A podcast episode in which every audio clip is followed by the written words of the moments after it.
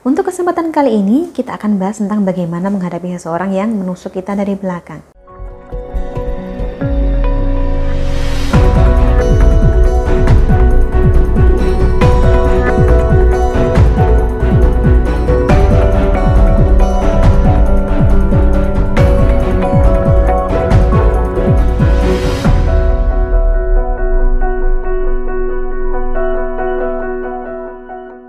Salam Rahayu, kembali lagi dengan saya Dewi Sundari. Apa kabar Anda? Saya doakan semoga selalu sehat dan senantiasa diberikan kemudahan serta kelancaran di mana pun Anda berada. Untuk kesempatan kali ini, kita akan bahas tentang bagaimana menghadapi seseorang yang menusuk kita dari belakang.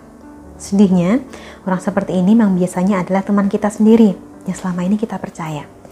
Sehingga kemudian muncul rasa kesal, marah, dan kecewa yang bercampur aduk menjadi satu. Apalagi jika kita tahu bahwa kawan kita ini atau orang yang kita anggap teman ini membicarakan kita di belakang tentang hal-hal yang negatif atau gosip yang tidak benar. Hal-hal semacam ini akan meruntuhkan kepercayaan kita, menjadikan hubungan merenggang dan bahkan ada kalanya memperlebar masalah ke mana-mana. Untuk itu, tidak ada salahnya Anda memperhatikan beberapa hal berikut untuk menghadapi teman yang menusuk Anda dari belakang. Yang pertama adalah jangan langsung percaya. Misalnya, ketika Anda dengar kabar bahwa ada sahabat Anda yang membicarakan Anda di belakang, sebaiknya kabar semacam ini tidak langsung Anda percaya. Pertimbangkanlah dulu apakah pihak yang memberikan informasi tersebut adalah orang yang benar-benar bisa dipercaya atau sekedar tukang gosip saja. Karena dunia ini tidak pernah kekurangan orang yang ingin mengadu domba kita dengan kawan sendiri. Kemudian yang kedua, tidak usah membalas dengan balik menggunjingkan orang yang bersangkutan.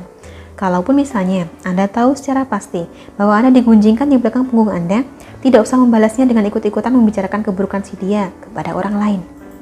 Sebab ini tidak akan menjadikan keadaan membaik, justru menjadikan persahabatan Anda semakin rusak. Yang ketiga, bila memang Anda merasa kelakuan orang ini sudah keterlaluan, ada baiknya Anda bicara secara langsung kepada yang bersangkutan.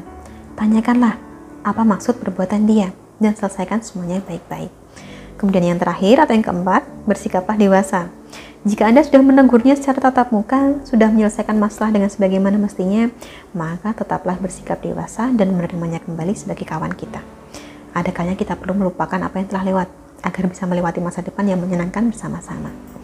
Kecuali, bila Anda merasa apa yang diperbuatnya ini sudah tidak dapat dimaafkan, maka jadikanlah pengalaman sekaligus pelajaran, agar ke depannya kita lebih bijaksana. Setidaknya, Lewat pengalaman ini kita sudah ditunjukkan kawan kita itu orang seperti apa. Sebagai manusia, wajar kita berkawan. Tapi sewajarnya juga kita memilah dan memilih mana yang pantas kita jadikan teman. Sampai sini saya cukupkan. Terima kasih banyak untuk Anda yang telah menyaksikan. Sampai jumpa di kesempatan selanjutnya dan salam rahayu.